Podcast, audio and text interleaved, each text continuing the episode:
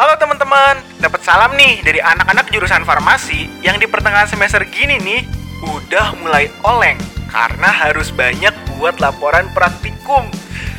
Ah, dibilangnya sih ya, kita itu pas nanti lulus cuma bakalan jadi apoteker atau jadi tukang bikin obat doang. Hmm, nggak salah sih.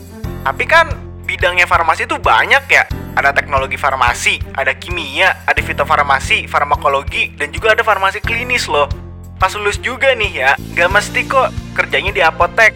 Bisa jadi kita nanti kerja di farmasi industri, farmasi komunitas, jadi peneliti. Pokoknya banyak dah.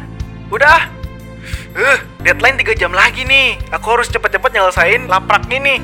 Ditunggu di farmasi teman-teman. Bye-bye. Jangan lupa tidur.